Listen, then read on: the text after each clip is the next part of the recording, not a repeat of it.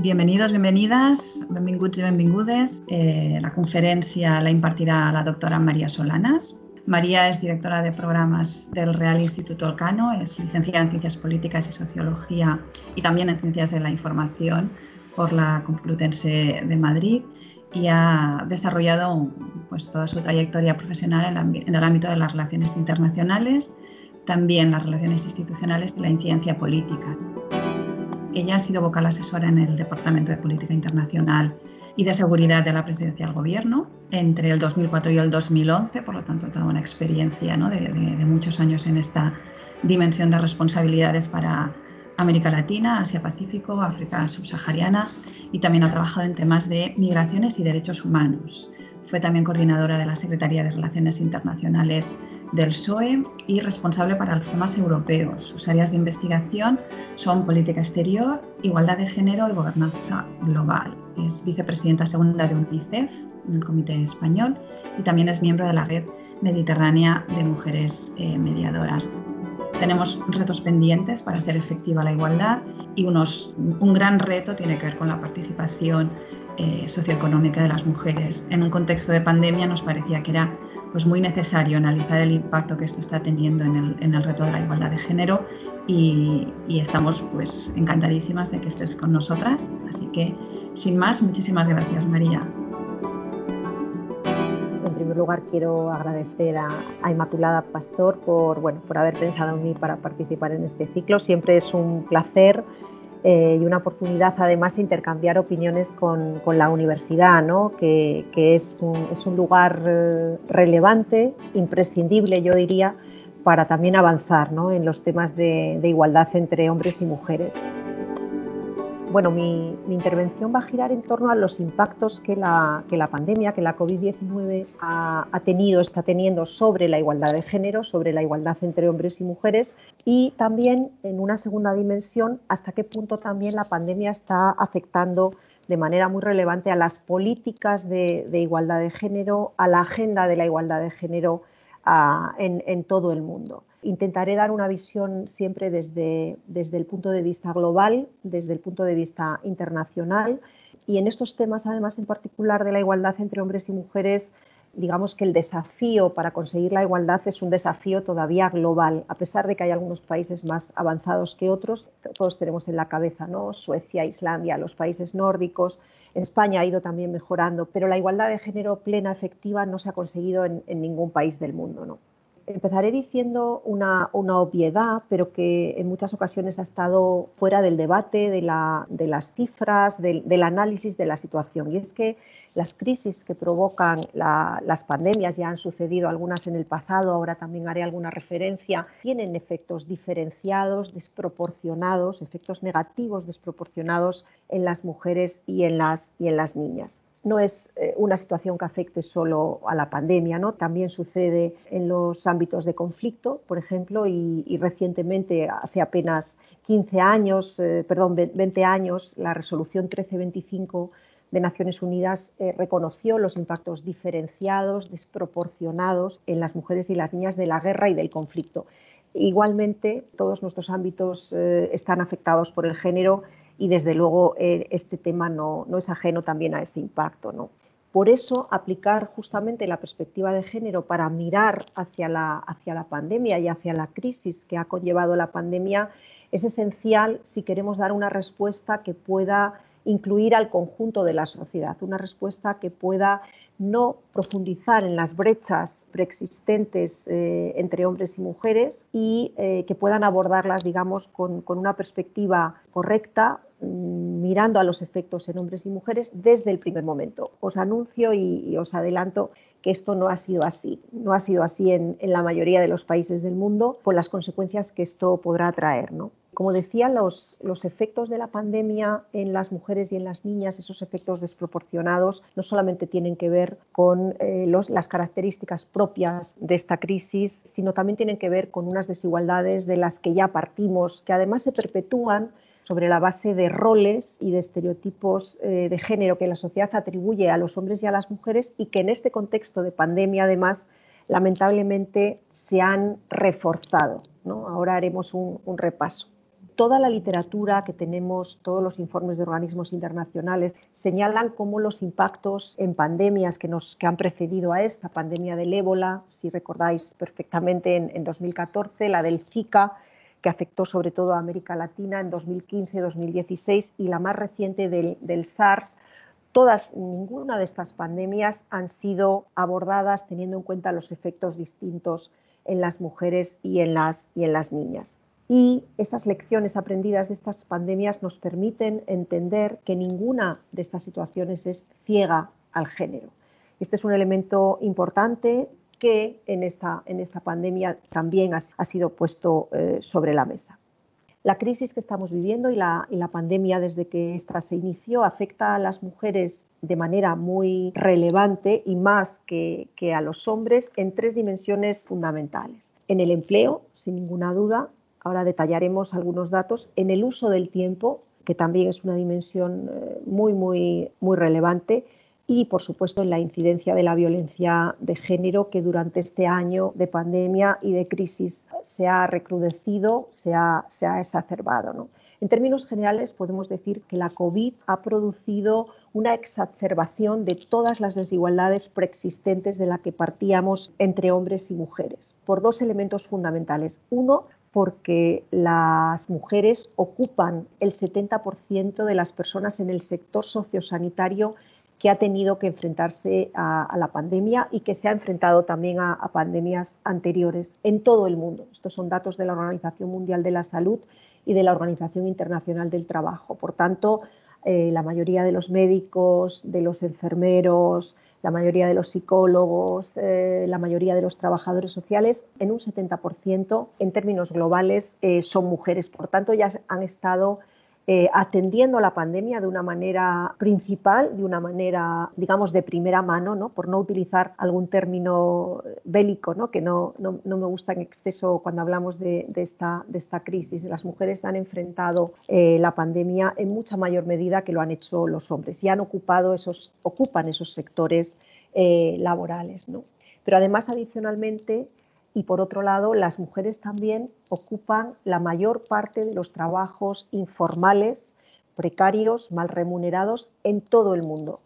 Esto significa que a ellas les ha afectado en mucha mayor medida que a los hombres la crisis económica, la pérdida de empleo, sobre todo en el sector informal, y adicionalmente también ocupan la mayoría de los empleos en el sector más afectado directamente por esta crisis, como es el sector de la hostelería, el sector de los servicios en general, pero sobre todo el sector de la hostelería y la restauración, donde las mujeres también son fuerza de trabajo mayoritaria. Por tanto, los efectos de la pandemia y de la crisis económica que la está siguiendo son mayores en las mujeres que en los hombres. Adicionalmente, las mujeres parten también de una situación de desventaja en lo que tiene que ver con la participación en el, en el mercado de trabajo y también con unos mayores índices eh, de desempleo, lo cual se compadece con los datos que acabamos de decir. Están en los empleos más precarios, están en los empleos más informales y están además en los empleos más afectados por la crisis. Por tanto, sus cifras de desempleo son mayores en términos globales, también en España, que son las que, las que enfrentan eh, los hombres. Eh, el 62% de las mujeres frente al 93% de los hombres participan en términos globales en el mercado de trabajo. Tanto, esa distancia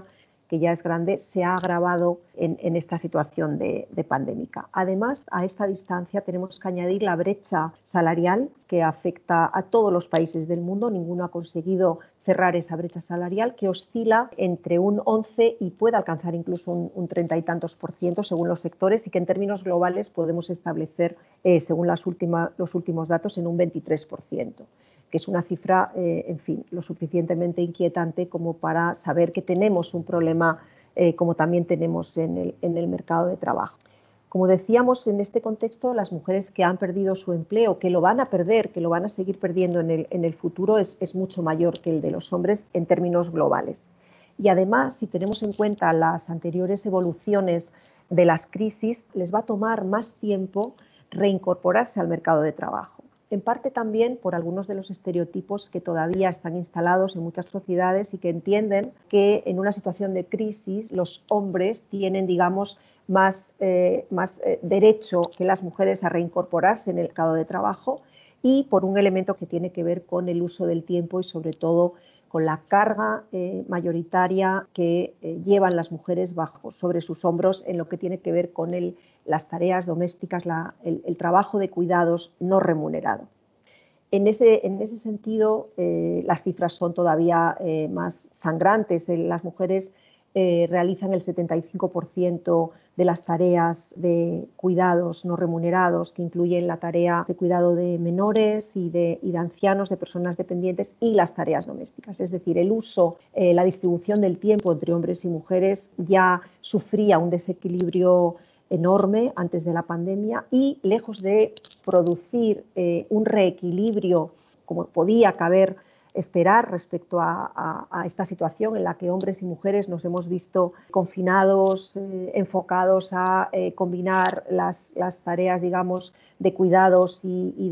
domésticas junto con los hombres, bueno, pues todos los datos disponibles apuntan también a que ese desequilibrio se ha, se ha profundizado. Las mujeres durante la pandemia han asumido, hemos asumido una mayor todavía carga en eh, las tareas, digamos, del hogar y de cuidado de los menores, no solo en tiempo de confinamiento por las tareas de educación que se trasladaron al hogar, sino también en estos momentos, digamos, porque hay episodios de regreso del colegio, eh, es decir, todavía esa normalización en la escuela no, no se ha producido. Adicionalmente, hay todavía algunas incógnitas sobre qué ocurrirá en el futuro eh, sobre lo que tiene que ver, por ejemplo, con el teletrabajo o incluso bueno, con esas brechas digitales que también se han, se han visto, han sido visibles en la pandemia. ¿no? Hasta qué punto esos estereotipos que la pandemia ha reforzado, digamos, eh, de manera que las mujeres han asumido todavía más la carga de los cuidados en tiempo de pandemia que ya venían asumiendo en mucha mayor medida que los hombres, hasta qué punto el teletrabajo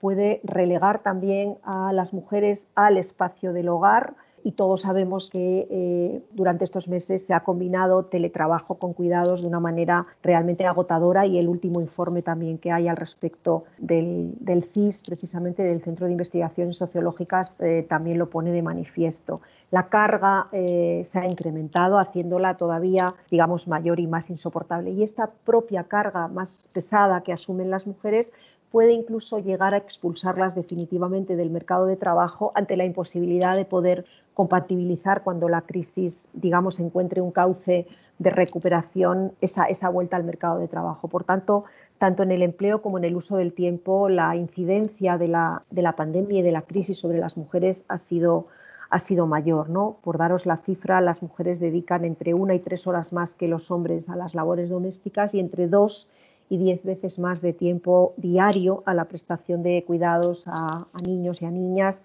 a, personas ancianas y a personas enfermas. Como decía, cabe preguntarse, y todavía no lo hemos podido medir eh, en su totalidad, en qué medida la crisis va a reforzar estos estereotipos y, roles de géneros que profundizan además la división social del trabajo, ahondando de alguna manera muy relevante en el reparto desigualdad de oportunidades, de recursos y de responsabilidades. En este contexto, además, hemos visto que el riesgo de violencia de género ha aumentado en todo el mundo, partiendo además de una realidad en la que el 35% de las mujeres eh, en términos globales, incluido por supuesto la, Unión Europea, son víctimas de violencia sexual, física o, psicológica, cifras además que se han incrementado en este contexto crítico para muchas mujeres. Como decíamos, estos impactos eh, negativos de los que partíamos antes de la, de la pandemia, que se han visto reforzados con la pandemia, corremos el riesgo, debido a estos impactos, de profundizar en las desigualdades preexistentes en muchas sociedades cuando todavía estas sociedades no habían, digamos, abordado eh, de una manera amplia, de una manera holística, a través de políticas públicas, la situación de, desigualdad entre hombres y mujeres. Como, decíamos, las, cifras que ya barajamos eh, en cuanto a la precariedad, en cuanto a la vulnerabilidad social y económica de las mujeres, han sido ya en parte estimadas. Eh, Naciones Unidas estima que durante este año 2021 eh, la cifra de mujeres en, situación de pobreza extrema se va a incrementar en 47 millones de mujeres en, todo el mundo. Por tanto, las estimaciones inmediatas a, muy corto plazo ya apuntan a esos efectos eh, desproporcionados. A esta desigualdad tenemos que añadir además la desigualdad que sufren las mujeres en la toma de decisiones en todos estos ámbitos que nos afectan tan directamente. ¿no? Eh, la Organización Mundial de la Salud señala en un eslogan muy, muy revelador, las mujeres proporcionan salud global mientras los hombres la lideran. Es decir, la participación en, la, en los espacios de toma de decisión de las mujeres en estos sectores claves para abordar la crisis pandémica está siendo muy escasa. Solo el 20% de las organizaciones de, salud, mundiales de, salud tienen paridad de género en sus juntas directivas y solo el 25% en la alta gerencia esta falta de participación, esta ausencia de mujeres en los espacios de toma de decisión, en, los organismos que están abordando en un primer momento crítico la pandemia desde el punto de vista sanitario, tiene consecuencias, las ha tenido en el pasado, por ejemplo, en lo que respecta a la cancelación de algunas políticas, sobre todo en materia de salud eh, materna, de seguimiento de embarazos, de salud sexual y reproductiva. En crisis precedentes, en pandemias precedentes, en una situación crítica, pues como la que se produjo con el ébola o con el Zika, debido a, los recursos siempre limitados, sobre todo en, contextos de países menos desarrollados, menos avanzados, esas políticas sufrieron una cancelación, un recorte desde el primer minuto, aumentando los embarazos no deseados, aumentando las muertes de, de madres en el parto. Esto, en parte, ha sido, digamos, se ha producido ante la ausencia de perspectiva de género de en qué medida esa cancelación de políticas iba a tener un efecto eh, directo y además también los organismos internacionales eh, subrayan la importancia de que en esa toma de decisiones eh, normalmente las mujeres han estado ausentes. Los datos incluso que tenemos de, Naciones Unidas también indican el aumento de las muertes en el parto, el aumento de los embarazos en niñas y adolescentes debido a que se han recortado, cuando no cancelado, esos servicios de atención eh, de salud sexual y, reproductiva y también se ha producido, digamos, un aumento en ese momento de la vulnerabilidad y de la precariedad económica de las mujeres que a través de esos servicios de seguimiento de sus embarazos también tenían acompañados algunos servicios de ayuda. Eh, no me voy a detener demasiado en los, datos de España, pero como elemento un poco general deciros que los datos en relación, por ejemplo, a la ocupación de las mujeres en el sector sanitarios son también muy similares, es decir, en, España el 68% de los y las profesionales eh, sanitarios eh, son mujeres y de ellas el 50% son médicas, el 72% son farmacéuticas, el 81% son psicólogas o el 84% son enfermeras. Es decir, que las mujeres también en España han estado en esa atención sociosanitaria desde, desde el primer momento. ¿no? También parten en España las mujeres de una situación de desigualdad en el mercado de trabajo, con una tasa de actividad del 53% frente al 65% de los hombres y una tasa de desempleo, como habéis visto por los datos recientes, también siempre mayor que la de los hombres a estos efectos, eh, digamos, que son directos sobre las mujeres y sobre las niñas, hay que sumar las consecuencias que tendrá también, sobre todo en, lugares donde esta práctica permanece, eh, el aumento de los matrimonios eh, infantiles o el aumento de la mutilación genital femenina, que como sabéis es un, es un, delito, es una violación de los derechos humanos ya consagrada por Naciones Unidas hace, hace un tiempo y que todavía constituye eh, una realidad eh, en muchos lugares del planeta. Bueno, pues la pandemia ya ha supuesto también un incremento de estos matrimonios infantiles y un incremento también de la mutilación genital femenina, puesto que los programas dedicados a, digamos, a erradicar esta, este delito, esta violación de derechos humanos, también han sido cancelados o recortados en una situación de crisis en la que los recursos se han dedicado de manera prioritaria a atender la, pandemia de la, COVID. Adicionalmente a estos efectos directos, medibles, de los que ya empezamos a tener datos, hay que añadir un efecto que todavía no está empíricamente contabilizado, pero que sí se empieza a, sentir, que es el impacto que, que, la pandemia y que la crisis puede tener y está teniendo para digamos, la agenda de las políticas de igualdad en, muchos países del mundo. permitidme que os diga una, una, que os lo exprese de una manera muy, digamos, muy, muy sencilla, pero muy directa. ¿no? La frase de con la que está cayendo, cómo se pueden estar reclamando medidas que atiendan a la desigualdad de género. La hemos, la hemos incluso oído desde luego en España, pero, pero también es una, es una manera de expresar, eh, digamos, la importancia, la prioridad que se da a las políticas de igualdad. ¿no?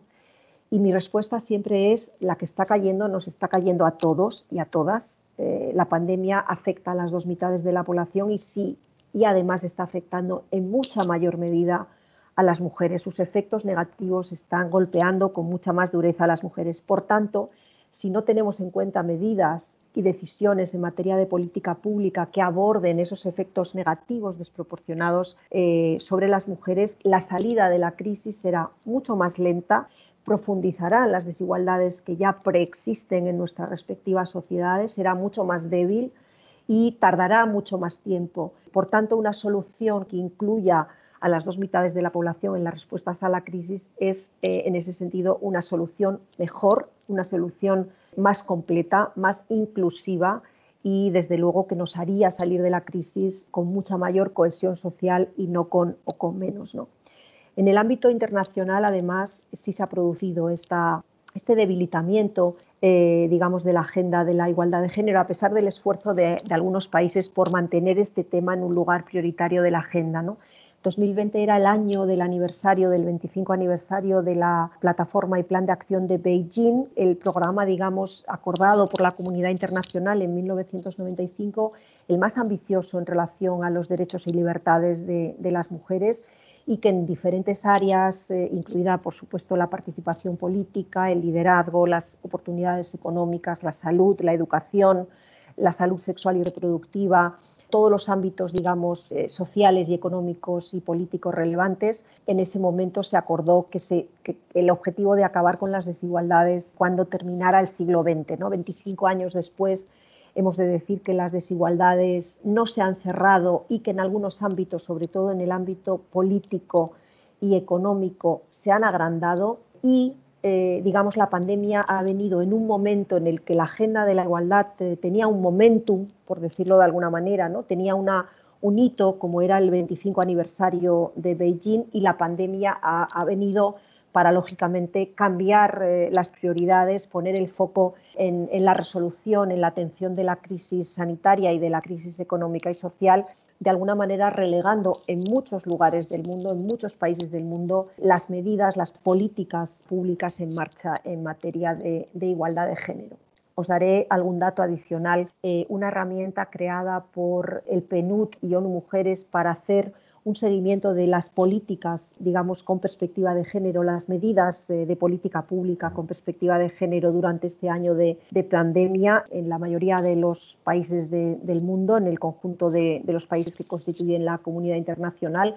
indica ese instrumento que se llama el rastreador de políticas de medidas perspectiva de género en, en la pandemia, indica que solamente apenas 25 eh, países del, total han, tomado alguna medida en perspectiva de género, digamos, de carácter amplio, ¿no? es decir, sociales, económicas y también en cuanto a la incidencia de la violencia de género. Y frente a estos solo 25 países hay un total de 47 países que no han tomado ninguna medida en absoluto. Y bueno, esto eh, eh, es un dato que da, que da bastante bien, digamos, la ratio ¿no? de, qué, en qué países las, las, políticas en materia de igualdad de género han sido relegadas y desde luego no han sido incorporadas en la gestión de la pandemia y en el abordaje ¿no? de, de, la crisis eh, económica. Además, esto sucede en un contexto en el que en los últimos años, sobre todo durante el, mandato del presidente Trump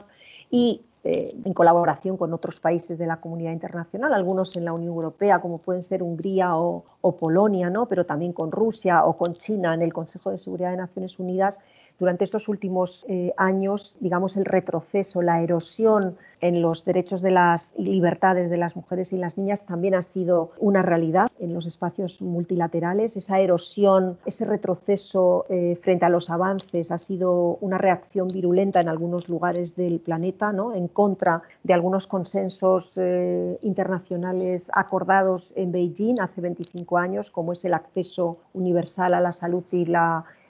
salud sexual y reproductiva y esa agenda también se ha visto erosionada, se ha visto contestada en, esos espacios multilaterales en estos últimos años recientes, con lo que eso ha supuesto también de la ralentización de los progresos. Todos los años, eh, desde el 2006, el Foro Económico Mundial de Davos elabora un ranking de países eh, en diferentes dimensiones y lo que señalan es que cada vez se ralentizan más los progresos de tal manera que en la medida en que sigamos eh, avanzando a este paso tan lento, la igualdad de género no podrá conseguirse en el mundo hasta, hasta dentro de más de 100 años. ¿no? Un horizonte, desde luego, que no es admisible ni, ni social, ni económica, ni políticamente y que eh, nos sitúa en, una, en el reconocimiento de que no se está haciendo lo suficiente para conseguir la igualdad entre las dos mitades de la población una igualdad incluso que se ha contabilizado ¿no? por algunos institutos como puede ser el Mackenzie Institute, que en un informe reciente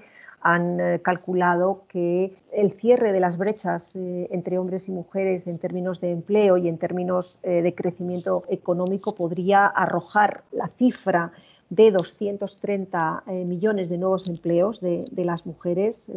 si se cerraran esas brechas de, de desigualdad en el empleo y un incremento del, PIB de 13 billones, lo cual bueno, supone, supondría eh, un, impulso al crecimiento económico global enorme. Es decir, que también es esa justificación, ¿no? por decirlo todo, ¿no? además del argumento lógicamente de, justicia ¿no? entre las dos mitades de la población, esa justificación económica también eh, nos arroja ¿no? el, coste y la, y, la pérdida de, crecimiento económico y social que podría suponer el cerrar las, las brechas.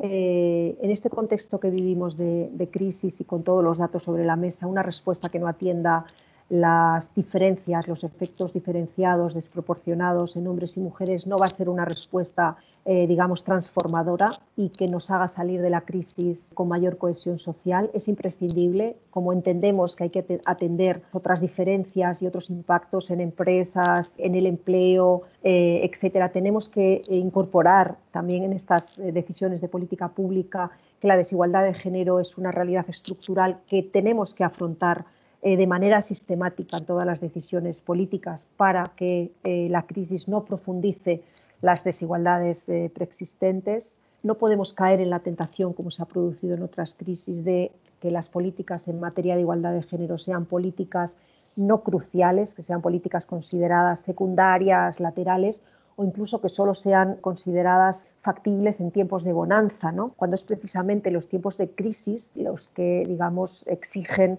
estas medidas con mayor empeño para no profundizar en esta realidad de, desigualdad. Ignorar esta, esta perspectiva además no nos va a preparar para las crisis subsiguientes que vamos a, sufrir, la, próxima crisis que podría ser también pandémica, pero también puede ser una crisis en materia de cambio climático. Para esa crisis, eh, que también los efectos son más eh, relevantes en las mujeres que en los hombres y su falta de toma de decisión en esos espacios también es una realidad, siguen sin estar presentes en esos espacios de toma de decisión. Abordar esta crisis con esas eh, perspectivas nos puede ayudar también a prepararnos para crisis subsiguientes que nos van a, nos van a, poner, a, van a poner a la sociedad, digamos, en, en una situación también de, de, riesgo, de ruptura, de fractura, etcétera. Para ello, y, y, con esto termino, será esencial también contar con datos desagregados por, por sexo en muchos países del mundo no existen estos datos y lo que no se mide y no tenemos la fotografía no se puede cambiar. Será también necesario incorporar expertise en materia de, género que se incorpore a los equipos de, toma de, decisión y desde luego eh, un último comentario sobre el papel que tiene en este sentido el sector privado eh, por supuesto la sociedad civil, pero también el sector privado, el sector empresarial, ¿no? que en sus decisiones de empleo, corporativas, de salarios, etcétera, tiene que tener muy presente la desigualdad de género que persiste, la gran tarea pendiente de este siglo XXI no podemos permitirnos tener digamos, estas diferencias entre las dos mitades de la población y, por último, desde luego, iniciativas como el de esta Semana de la Igualdad, que ya va por su 14 edición, son, son muy relevantes para conseguir este objetivo que es de todos y de todas. Muchas gracias.